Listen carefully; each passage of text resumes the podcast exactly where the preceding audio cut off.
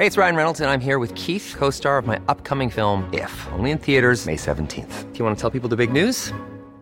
All right, I'll do. Sign up now and you'll get unlimited for $15 a month in six months of Paramount Plus Essential Plan on us. Mintmobile.com slash switch.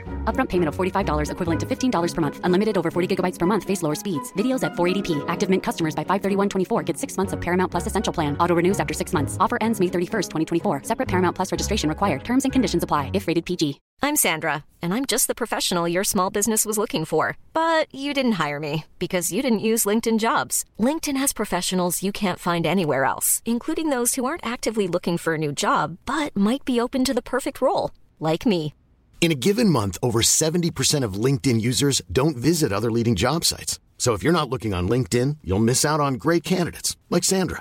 Start hiring professionals like a professional. Post your free job on linkedin.com/people today.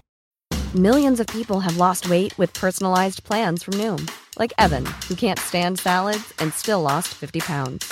Salads, generally, for most people, are the easy button, right? For me, that wasn't an option. I never really was a salad guy. That's just not who I am. But Noom worked for me. Get your personalized plan today at Noom.com. Real Noom user compensated to provide their story.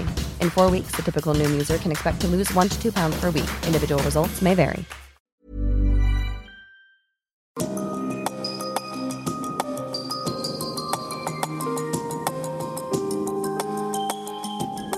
Du lytter til podkast fra Oslo Militære Samfunn. Se vår hjemmeside oslomildsamfunn.no. Forsvarssjef, generaler, admiraler, kjære venner, kjære medlemmer av Oslo Militære Samfunn med gjester.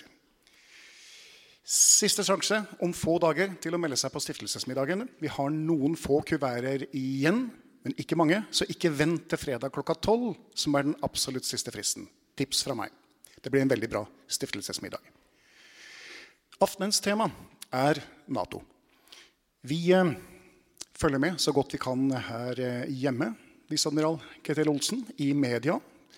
De av oss som har kolleger som eh, jobber i Nato, vi får litt små drypp derfra. Men eh, diskusjonen rundt hva Nato er, hva Nato betyr, og hva som kan skje i Nato fremover, opptar alle forsvarsvenner. Derfor er vi så heldige å få deg til å komme tilbake til oss, også i år. Sjefen for militærmisjonen i Brussel, viseadmiral Ketil Olsen.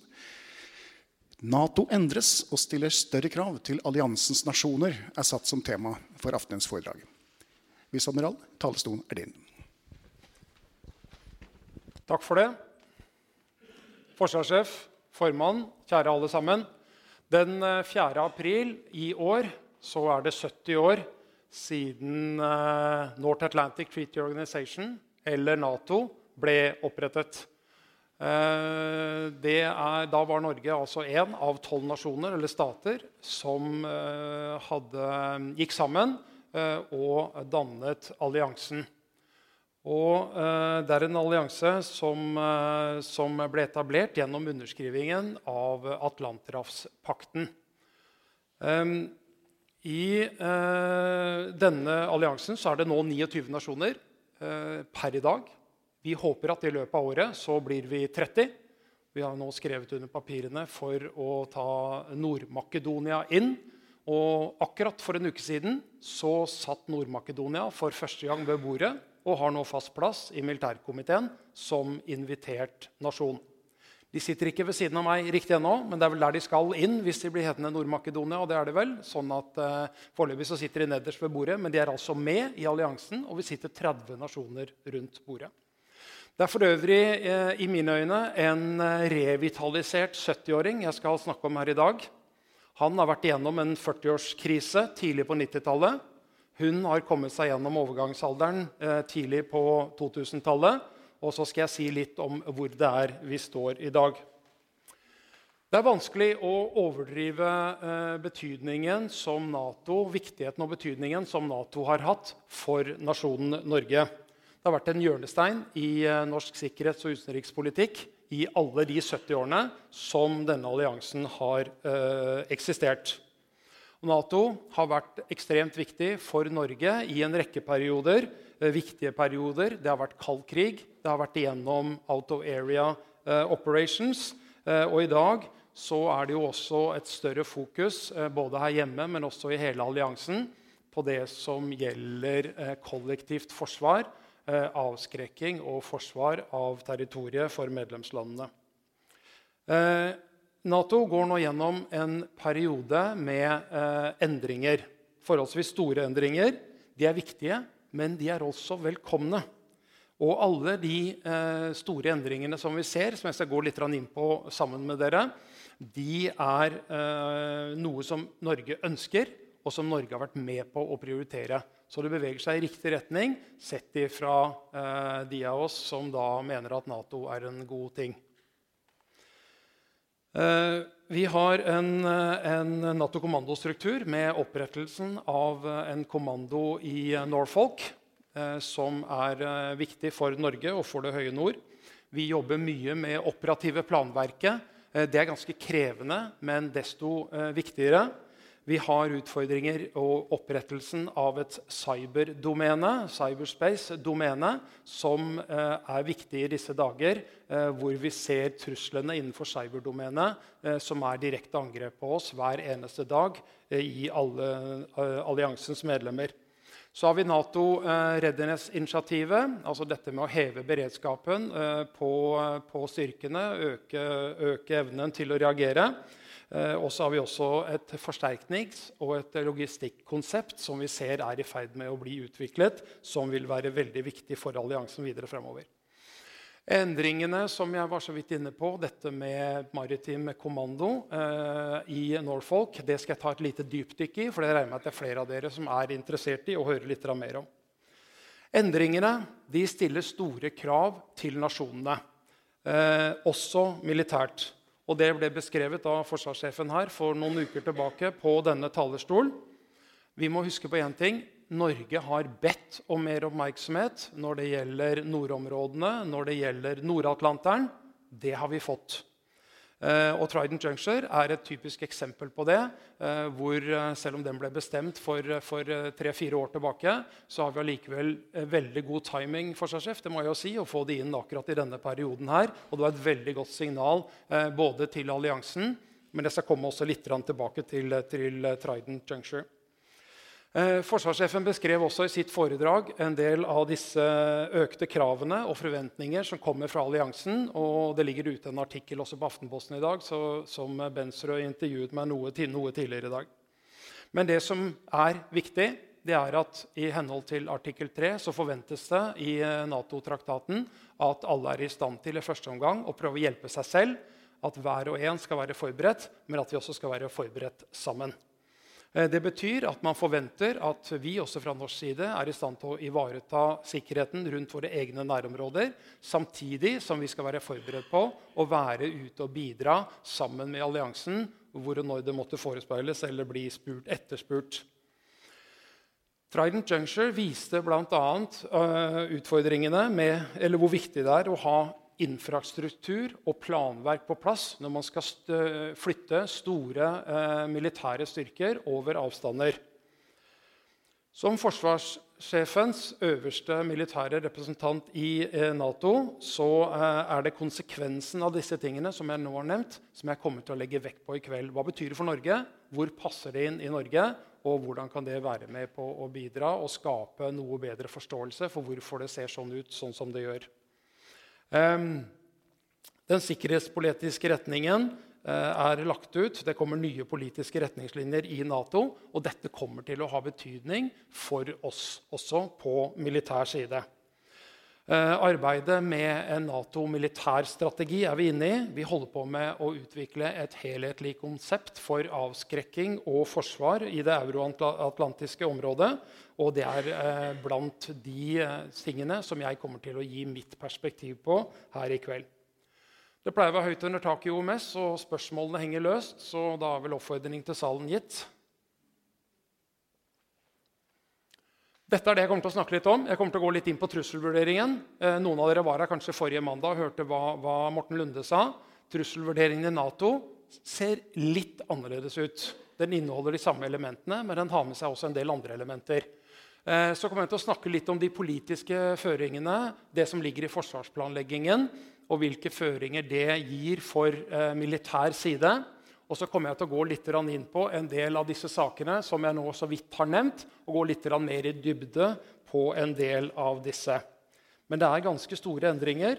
Det er ganske bred front. Jeg spenner et veldig bredt bilde for dere. Så det kommer nok til å bli en del enkeltsaker innimellom. Så får dere ta, følge med på de sakene dere er spesielt interessert i. Eh, og så får dere ta resten til, til informasjon underveis. Og så skal jeg oppsummere med en del hovedbudskap på slutten. Men først, denne damen her er Natos første kvinnelige forsvarssjef. Eh, generalmajor Alenka Ermensch, eh, som vi møtte på forsvarssjefsmøtet nå i januar for første gang. Eh, og det vil si at også alliansen etter hvert da, Nå sitter altså 28 pluss én kvinne. Så vi er i hvert fall i ferd med å se noen endringer komme også inn i en ordentlig eh, mannsbastion. Det tror jeg kan slå fast. Trusselvurderingen sett fra Nato. Sikkerhetssituasjonen er i hovedsak endret. Ehm, jeg nevnte dette når jeg sto her på talerstolen i 2017. Nato står overfor mange og komplekse utfordringer. Bildet er som jeg sier, ikke spesielt endret, men endringene har gått raskere enn det kanskje noen av oss trodde bare et par år tilbake. Hvis du regner rent statistisk, så er det mer fredelig i verden enn på lenge. Det er færre kriger, og det er færre som dør. Men ustabiliteten og usikkerheten har spredd seg, og det er veldig komplekst, det som er der ute. Det er en del geografiske utfordringer. Det er utfordringer i cyberdomenet. Og vi har dette med asymmetrisk krigføring og usikkerhet da, som sprer seg i hovedstedene. Utviklingen går i feil retning sett fra en liten eh, nasjons side. Eh, eller sett med norske øyne, om du vil. Den vestlige liberale verdensorden er under press, og dette kan man lese side opp og side ned om i avisene for tiden. Og bra er det. Men det er også sånn at eh, FN, eh, World Trade Organization, eh, IMF av disse, Mange av disse stabile, gode organisasjonene som en liten nasjon som vår er veldig avhengig av virker, de er stadig under press. Og det skaper en del utfordringer for vår lille nasjon. Vi har gått fra unipolar, si noe, et unipolart øyeblikk på 90-tallet med USA som en stor hegemon som har, en, som har, drevet det hele. Og vi er tilbake til normalen når vi nå er i ferd med å gå inn i en multi, uh, multipolar verden. Det er mine påståelser. i hvert fall. Um, Kina har vist en ekstrem økonomisk vekst. Uh, vi ser et uh, Kina med et ambisjonsnivå hvor de sier at de i løpet av 2049, altså 100 år etter revolusjonen, eh, skal være en global supermakt. Og de sier at i 2035 eh, så skal de altså være i stand til å kjempe og vinne kriger. Og dette er offisiell uttalelse fra Xi Jinping. Eh, så, så det får vi vel da tro på. For å holde tritt med den økonomiske utviklingen sin så er de nødt til å ha markeder og råvarer utenfor Kina. Derfor bygger de også en stor marine. Og I fjor så eh, leverte de ut 15 eh, større destroyere og jagere som, eller kryssere, om du vil, som altså er eh, 15 stykker på ett år. Og det kommer 15 i år også. Det kommer sannsynligvis 15 neste år òg. Det er altså en formidabel økning. Jeg hadde egentlig ikke tenkt å snakke om Kina, men jeg ble litt engasjert, fordi jeg, vi har litt inntrykk av at vi i Norge tror ikke at Kina betyr noe særlig for oss. Men bare husk på at Kina har altså en Polar Silk Road, de kaller seg selv i hvitpapiret som de ga ut i januar i fjor, for en near Arctic state. Så Kina kommer vi til å se mer og høre mer om, også i neste langtidsperiode. Odd. Det er jeg helt sikker på. Um, men to hovedtrusler som vi diskuterer i Nato for øyeblikket. Uh, Russland selvfølgelig er den ene av de, og den andre er internasjonale terrorgrupper. Uh, nevne kort litt om hver av de. Fordi at Russland med sin aggresjon og sin selvhevdelse eh, utvikler jo stadig nye kapabiliteter. Eh, og Det har jo Jon Michael FFI jobbet mye med i det siste. det har vi jo sett. Eh, men for Kreml så betyr disse nye kapabilitetene økt handlingsrom. Og Et eksempel på utfordringen som ligger der, er jo nå de problemene de har med INF-avtalen og den uh, vanskeligheten som ligger i det. Jeg skal si to ord om INF-avtalen litt senere, uh, uten at det er tenkt å gå så mye i dybden i det. fordi uh, det regner det er kjent for de fleste, fleste i salen. her sånn. Um, Russland uh, er et problem, som sagt, men, men, men problemene er jo større enn Russland. Uh, vi snakker om terror. ISIL har fått redusert territoriet sitt, men det er ikke noe tvil om at ISIL fortsatt uh, består av en rekke, eh, rekke Eh, mindre enklaver rundt omkring som de nå fortsatt holder på, og som fortsatt utgjør en trussel. og Særlig kanskje på terrorsiden. Det kan også være med, med, med folk som kommer hjem igjen eh, etter å ha jobbet, eller vært med i ISIL, eh, som også kan utgjøre en reell trussel. Derfor er dette med Russland og terror to tunge saker inn i Nato som blir diskutert mye nede hos oss. Um, derfor har Nato etablert dette 360-graders-perspektivet, uh, som skal gjøre at vi ser på hva som er truslene over hele fjøla for hele alliansen. Og det er klart, Verden ser veldig annerledes ut om du står i Spania, Italia, Hellas for den saks skyld, eller Latvia eller for den saks skyld i Norge. Trusselen føles veldig forskjellig, og det er viktig at vi tar hensyn til alle sammen, fordi vi skal følge opp for hele alliansen. Vi lever da i store endringer sikkerhetspolitisk. Usikkerheten og uforutsigbarheten er blitt mer tydelig. Verden er blitt mer alvorlig. Og det er mer gråvær som kommer, tror jeg, med den informasjonen som jeg har tilgang på. i hvert fall. Så da er det opp til oss å håndtere utfordringene, og så er det opp til oss å utnytte de mulighetene som ligger der. Jeg tenkte å si to ord om forsvarsplanleggingen i Nato. For det er en av grunnene til at jeg står her akkurat i dag. Eh, akkurat nå så er man i, eller rett og slett På forsvarsministermøtet forrige uke så godkjente forsvarsministrene det som er den politiske retningslinjene i Nato. Altså Political Guidance 2019. Som da er starten på denne prosessen. Og det er da NAC altså utgjør de politiske retningslinjene. Um, i det eh, så ligger da dette med artikkel 3, hver og en og i fellesskap, å være i stand til å se på forsvarsplanleggingen og være en del av den i fire år framover. Det gir altså ambisjon, det gir prioritet for kapabilitetsutviklingen på kort, medium og lang sikt i alliansen. Vi har gitt våre militære bidrag underveis, og når nå også denne political guidance er kommet ut, så vil vi sende et oppdrag til de strategiske kommandørene Sakør og SAC-10 om å da utarbeide eh, hva de mener er minimum capability requirement, som du kan sammenligne litt med forsvarssjefens fagmilitære råd. Så Nato lager altså samme systemet, har samme systemet som vi har for hvordan man ser på hva man trenger i den nærmeste perioden framover. Eh, hvis vi ser på det som ble godkjent da forrige uke, så ligger det i det et krav som kapabilitetsmessig ikke er så veldig forskjellig fra forrige fireårsperiode. Den startet jo i 2015. Eh, mars 2014 så var altså annekteringen av Krim. Seks måneder etterpå så var, eh, var toppmøtet i Wales, hvor man altså godkjente da og gikk videre med eh, det som lagt, ligger i den perioden vi nå er inne i når det gjelder krav til styrker og kapabiliteter. Det vi sannsynligvis ser en forskjell på, er at det er behov for mer kampkraft. Vi ser også at man ønsker å øke reaksjonsevnen, eller heve den i hvert fall. Og det er det vi kaller kvalitet. Ehm, vi snakker om rettferdig andel, og vi snakker om rimelig utfordring. Det er slik Nato tar dette utover til Hallo, der var den. Han kom tilbake igjen. Vi ser hvordan det blir tatt ut til kapabilitetsmål, går tilbake til nasjonene. Hva er det vi skal anskaffe, og hva er det som blir pekt på at hver nasjon skal stille opp med i, i, innenfor disse rammene som er gitt. Det er altså denne såkalte byrdefordelingen. Um, så skal ikke jeg snakke noe om 2% for det er en politisk sak. Men i Nato så måler de nasjonene nå etter de tre c-er. Cash capabilities and contributions. Så det, er altså, man, det er mer enn bare den 2% som det har vært så voldsomt fokus på. Nasjonene forteller mer om hva det er de driver med, også ved siden av. Så vi snakker om en rimelig utfordring. Og Forsvarssjefen eh, snakket jo eh, i OMS da, som jeg sa her for ikke så lenge siden, om hva som eh, er Natos krav til oss. Og Konklusjonen på det vi er inne i nå, er at Norge oppfyller målene på kort sikt. Det er noe av, det, noe av de tingene jeg nettopp gikk gjennom. Men Eh, Natos vurdering de stiller spørsmålet om, er, eh, om det er tilstrekkelig med fire ubåter for Norge i fremtiden. De stiller spørsmål med hva slags antiubåtkapasitet vi skal ha i framtiden. Hvordan har vi eventuelt tenkt å erstatte Helge Ingstad? Eh, de ber om at vi øker antall kampbataljoner i Hæren. Og de snakker også om at Norge bør ha, kamp, bør ha tankfly for å kunne fullt utnytte F-35-kapasiteten. Noen ord om militærstrategien.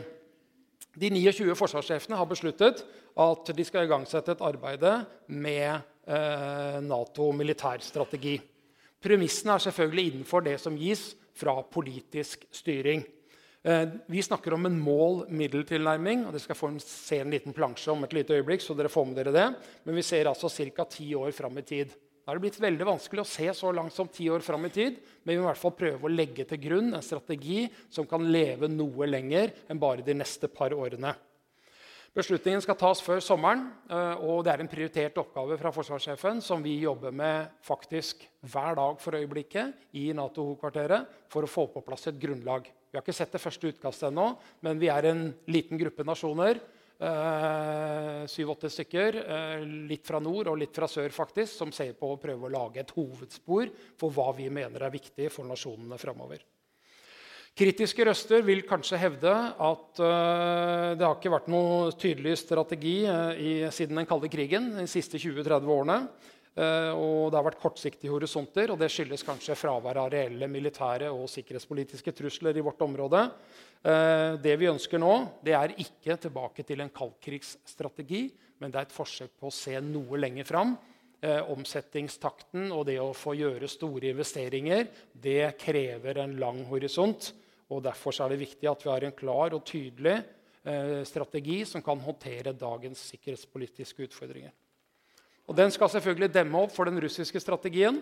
Eh, den endringen i militærmakt og den viljen eh, og de kapabilitetene som, NATO, som unnskyld, Russland har utviklet, og som er i ferd med å utvikle.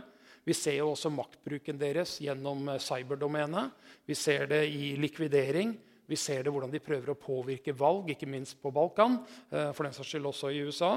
Og vi ser altså hvordan de bevisst bruker fake news eh, til å destabilisere innad i nasjoner, og også mellom nasjoner. Og Særlig å splitte Nato-alliansen er noe de har jobbet med lenge, og som vi ser daglige angrep på.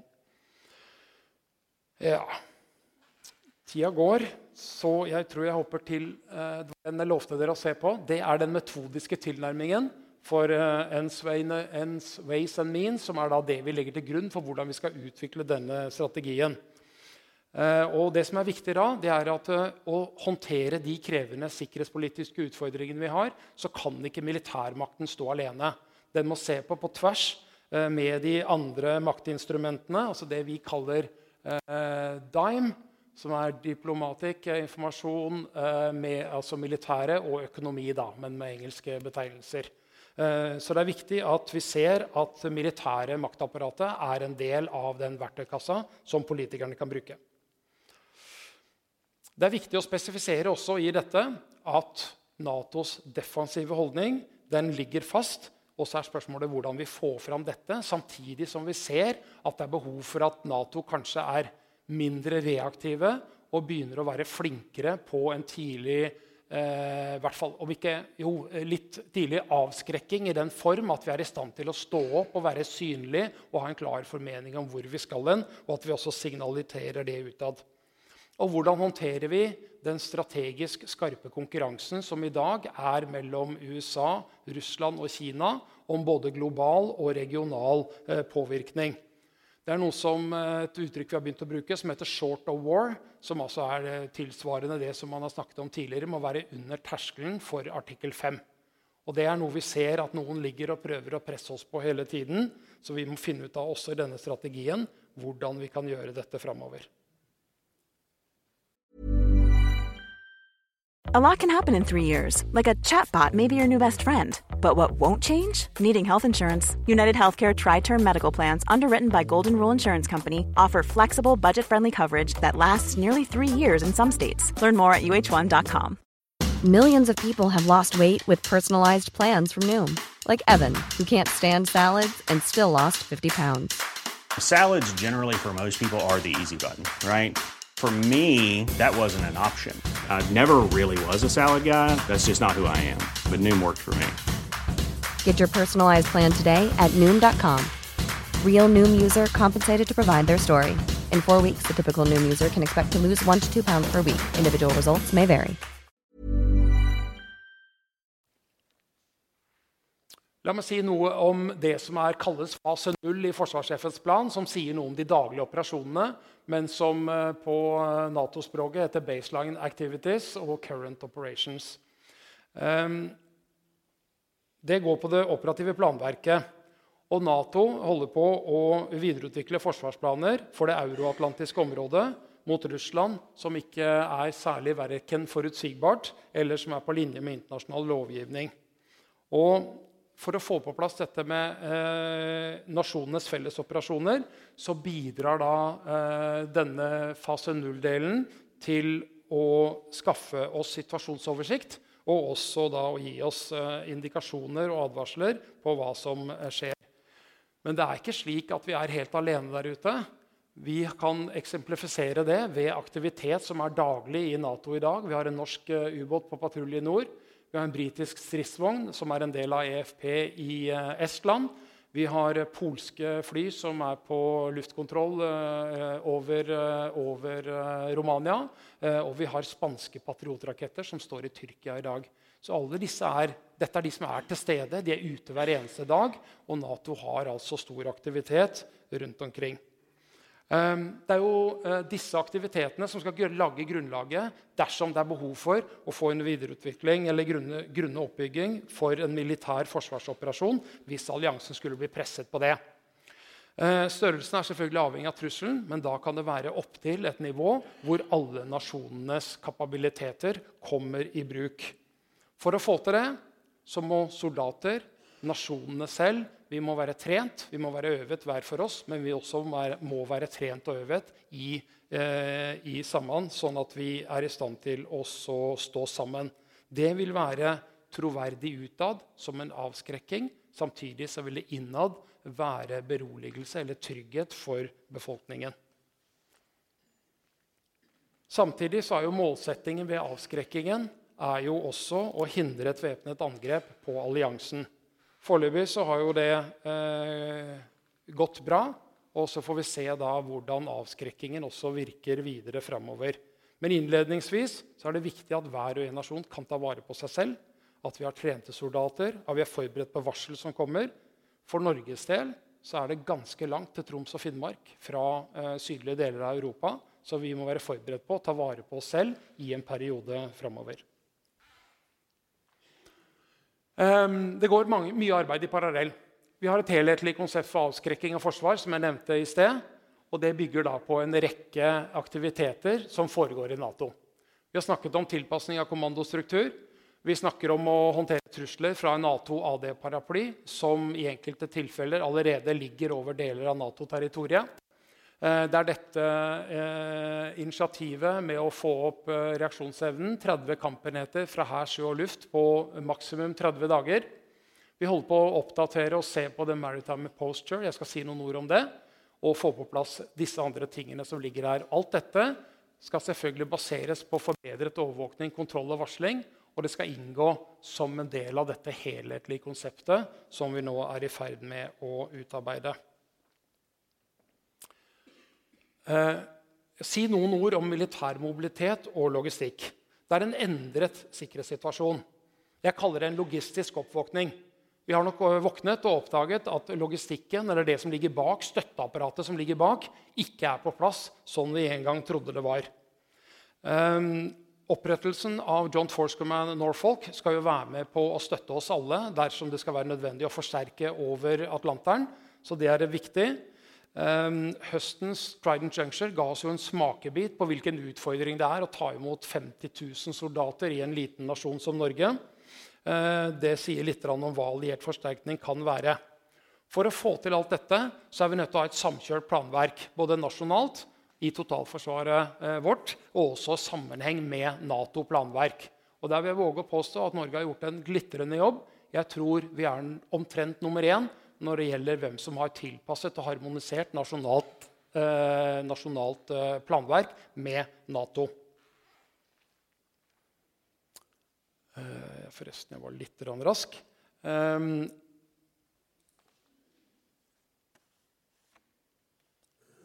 Fordi jeg tenkte jeg skulle si litt om, om dette med, som har skjedd på, på det vi jobber også bl.a. mot EU på. Um, siden Wales og Warszawa så har vi vært opptatt av uh, deterrence and defense, eller avskrekking og, og uh, forsvar. Um, vi våknet jo i 2014 etter Ukraina og det som skjedde der, og fikk en erkjennelse av en, uh, hvor viktig avskrekking er i fredstid. Og hvor fort det kan skje i våre nærområder. Jeg tror det har vært med å hjelpe oss og dirigere oss i riktig retning. Nato er blitt sterkere og, og raskere. Uh, og Nato har faktisk også blitt større. Ikke det at Montenegro og Nord-Makedonia er, er, så store, men de er faktisk med på å utvide Nato-territoriet, et område hvor, uh, som faktisk er ganske viktig for stabiliteten i Europa. Um, fra et konvensjonelt militært synspunkt så er jo ikke det å ha 4500 tropper stående i baltiske land og Polen spesielt uh, skremmende for uh, f.eks. Russland. Men det er det med en begrenset militær tilstedeværelse som allerede er der, som er viktig, som da må kombineres med en rask reaksjonsevne. Um, dette er noe man har jobbet med i Nato etter, etter angrepet på Ukraina. Vi har øket øvingsfrekvensen, vi har øket tilstedeværelsen langs med den østlige grensen. Og så har vi da også fra Brussel 2018 dette med initiativet, som er altså dette med 4 ganger 30, som jeg nevnte så vidt i sted. Det som vi i tillegg jobber med, er noe som heter uh, enablement, eller aktivering av SACEURs area of responsibility. Hvordan legger vi til rette for denne aktiviteten? Etter den kalde krigen så kastet vi omtrent forsvarsplanene på fyllinga. Eh, vi fulgte ikke opp de planverkene som lå der. Vi har glemt hvor lang en kai er. Vi har glemt hvor mye vekt du trenger eller kan putte på en bro osv. Vi har erkjent at dette, denne kunnskapen må vi skaffe oss på nytt igjen. og det er vi i ferd med å gjøre. Men dette er et langt og møysommelig arbeid og kommer også til å kreve store investeringer framover. Ehm, der jobber vi faktisk veldig godt med EU. Og det syns jeg er positivt, Fordi fordi vi har en rekke tiltak 72 tiltak er det vel, som skal være eh, sammen Nato og EU om veien videre. Mitt inntrykk er at det har ikke gått så altfor fort. Men her, med militær mobilitet, hvordan forflytter vi større styrker over grenser? Hvordan legger vi forhold til rette for planverket? Hvordan lager vi avtaler som kan flytte styrker av denne typen? Det er noe vi er nødt til å få på plass, og som vi altså er i ferd med å gjøre. Og det gjør vi sammen med EU. Eh, og eh, det kommer til å kreve noen omfattende økonomiske investeringer å legge til rette for at eh, vi kan forflytte styrker av denne typen framover. Og der har EU tatt på seg et stort ansvar. Og det syns jeg er veldig positivt, at vi ser at disse organisasjonene kan jobbe sammen. Da er jeg ca. halvveis og ligger litt dårlig an på tid. Så jeg skal si noen ord om uh, Joint Force Command Norfolk. Uh, det er dere sikkert litt interessert i. Uh, det er altså besluttet at vi skal tilpasse Natos kommandostruktur.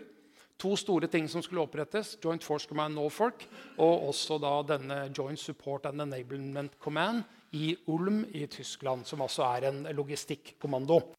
Ehm, det er, eh, bør interessere dere, går jeg ut fra. Ehm, foreløpig er det altså en implementering som vi holder på med, med ca. 1200 mennesker som skal inn i denne organisasjonen. Så for første gang på 25 år, er det det, nesten 30 år, så øker vi faktisk Natos kommandoorganisasjon igjen. Det er gledelig med tanke på den trusselen som er der ute. Eh, og jeg tror også det er høyst eh, nødvendig. Joint Force Command Norfolk de skal altså, kommer til å bli hvis dere ser her, så står det aktivering nå i vår.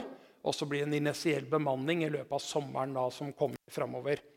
Um, det vil få på plass kunnskap, eh, det vil få på plass kompetanse om Atlanteren og om det høye nord.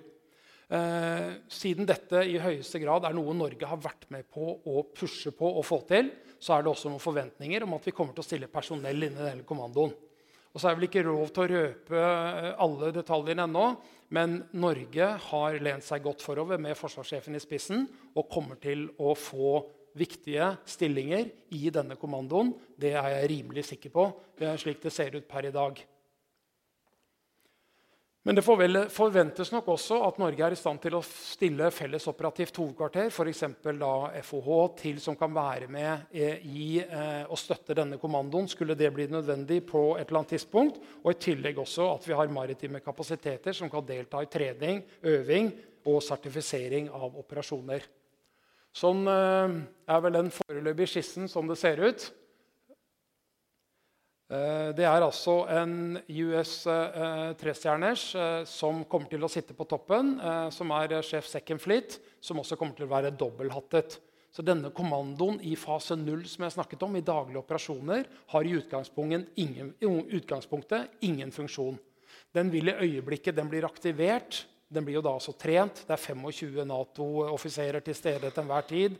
Eh, men den blir altså trent og holdt ved like gjennom at amerikanerne er de som har ledelsen på denne kommandoen. Og så, ved et gitt eh, tidspunkt eller et behov som, eh, som Nato-rådet bestemmer, så vil altså den bli aktivert og vil være en joint force command på lignende med alle andre. Brunsum og Napoli. Nå er Det sånn at det har vært snakket om med Maritime Heavy. Det konseptet har man gått bort ifra. Det blir en Joint Force Command på linje med de andre, men altså har et utstrakt maritimt ansvarsområde. Når det gjelder ansvarsområdet og bekymringen noen har uttrykt for hvem som har ansvar for hvilket område, eh, Brunsum, Napoli og Norfolk, så er det noe som vil falle ut nå etter hvert. Så vi holder på å oppdatere ansvars- og operasjonsområdene eh, og forhåndsplanlagte kommandoforhold. Det kommer altså da gjennom det vi gjør nå med Nato-konsepter og planverk, som da er i ferd med å bli eh, oppdatert. Men den skal altså ha ansvar i Atlanterhavsregionen og i det høye nord. Nato har i mange år operert eh, out of area. Eh, Irak og Afghanistan i hovedsak. konsekvensen av det har vært at fokuset på maritime styrker har falt. Og det er man nå i ferd med å gjøre noe med. Man ber om en styrking av krigføring og kompetansen innenfor maritime områder. Og det er det satt fokus på gjennom flere aktiviteter. Blant annet så driver vi og ser på hvordan kan vi bedre utnytte Standing Naval Forces i framtiden. Eh, vi får et, eh, et, eget, eh, et, eget, opplegg med maritime krigføringsøvelser med hovedvekt på antiubåtkrigføring. Og vi får nå også et maritimt koordineringssenter for Østersjøen, tilsvarende det vi har i Svartehavet, som ble opprettet for et par år tilbake.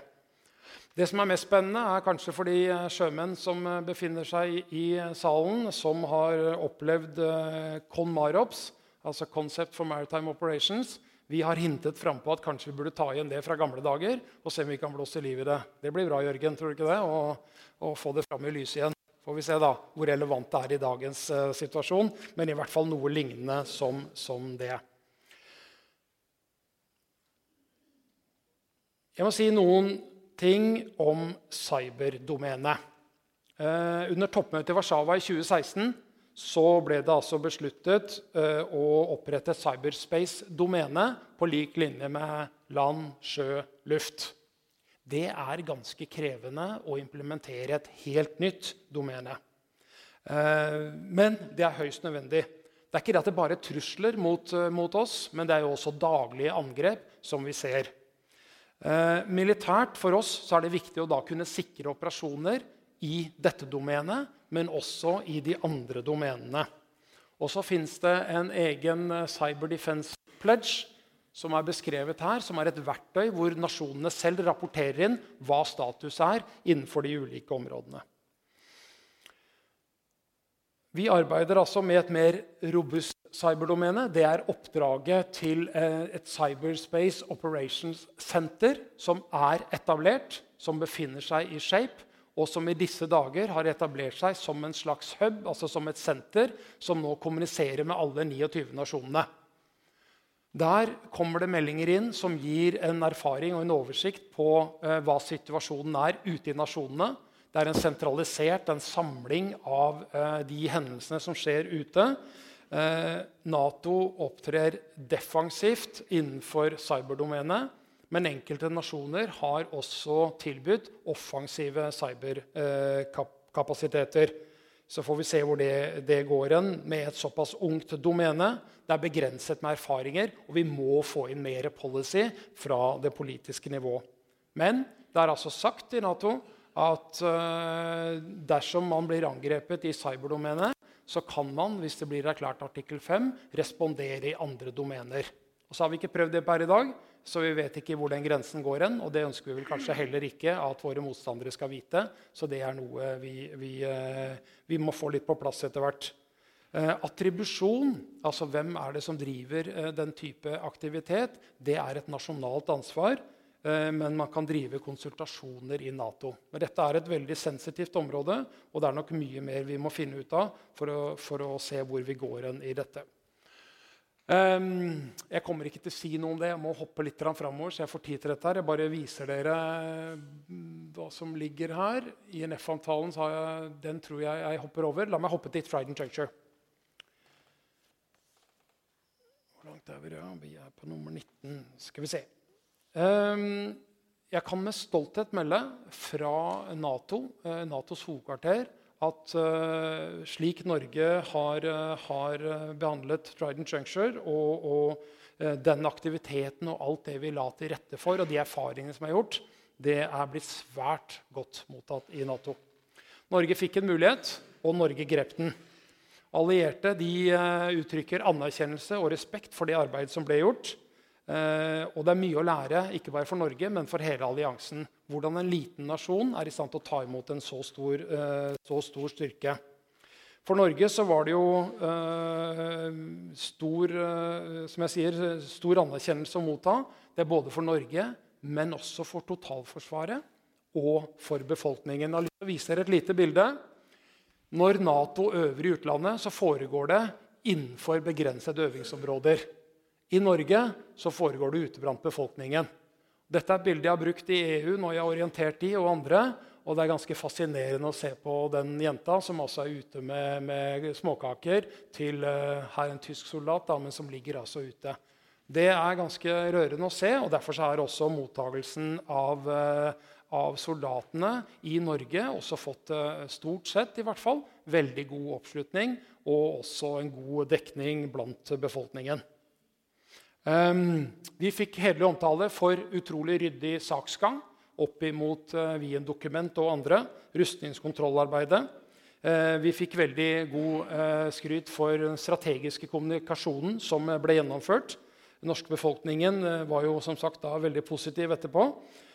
og så er altså lyst til å si to ord om interoperabilitet. For alliansen vår er dønn avhengig av interoperabilitet. Og det viktigste interoperabilitetsverktøyet vi har, det er faktisk det engelske språket. Det har gått relativt greit, men det er andre områder som ikke er fullt så godt lagt til rette. Det er ikke så stort problem i luft- og sjødomenet, men når landstyrker av ja, ulike størrelser fra ulike nasjoner kommer sammen, så sliter vi med interoperabiliteten. Du kan ikke bare ta opp røret og tro at du kan snakke med noen i andre enden.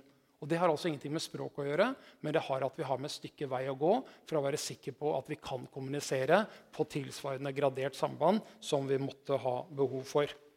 Så det er uh, noe som vi er nødt til å jobbe mye med framover. Uh, det kanskje, kommer kanskje først og fremst fram på det taktiske nivået. Da er jeg kommet til avslutningen.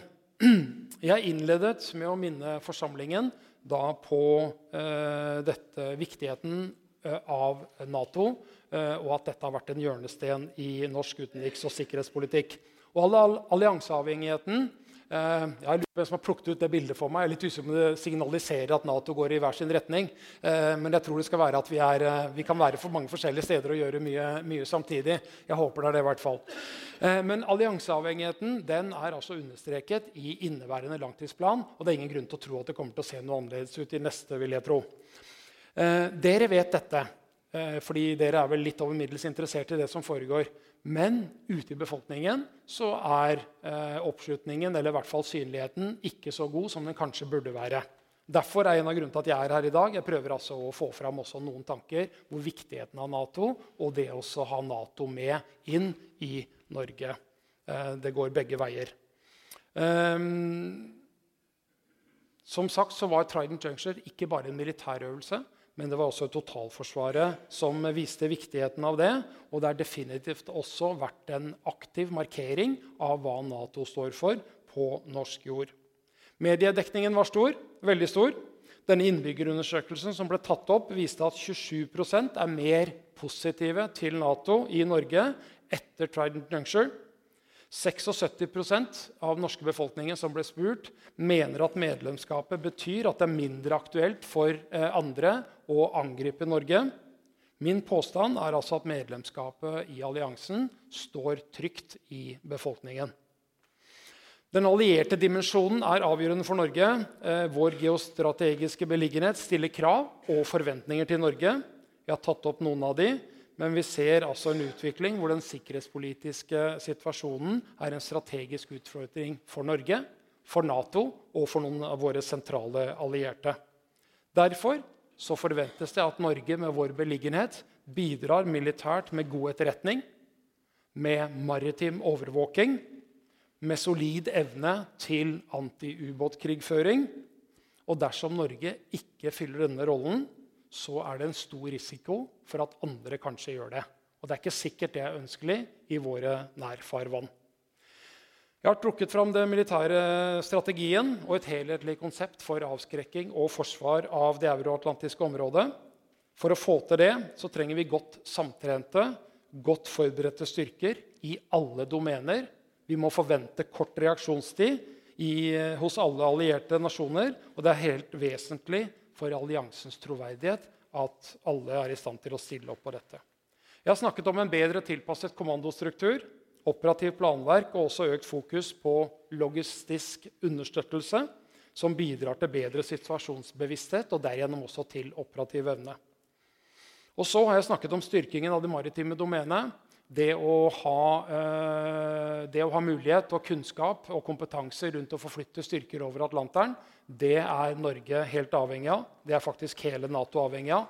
Men der må nok vi være litt flinke til å fortelle de andre hvor viktig det er. Cyberspace nevnte jeg som et eget domene som det er krevende å, å, få på plass, men som viser at Nato hele tiden utvider verktøykassen sin for å kunne møte alle typer, også av moderne trusler. I 1949 så gikk vi altså inn i en allianse som vi mente var det beste forsvaret av Norge. 70 år etterpå så er vi fortsatt medlem, og det forplikter. Takk for oppmerksomheten.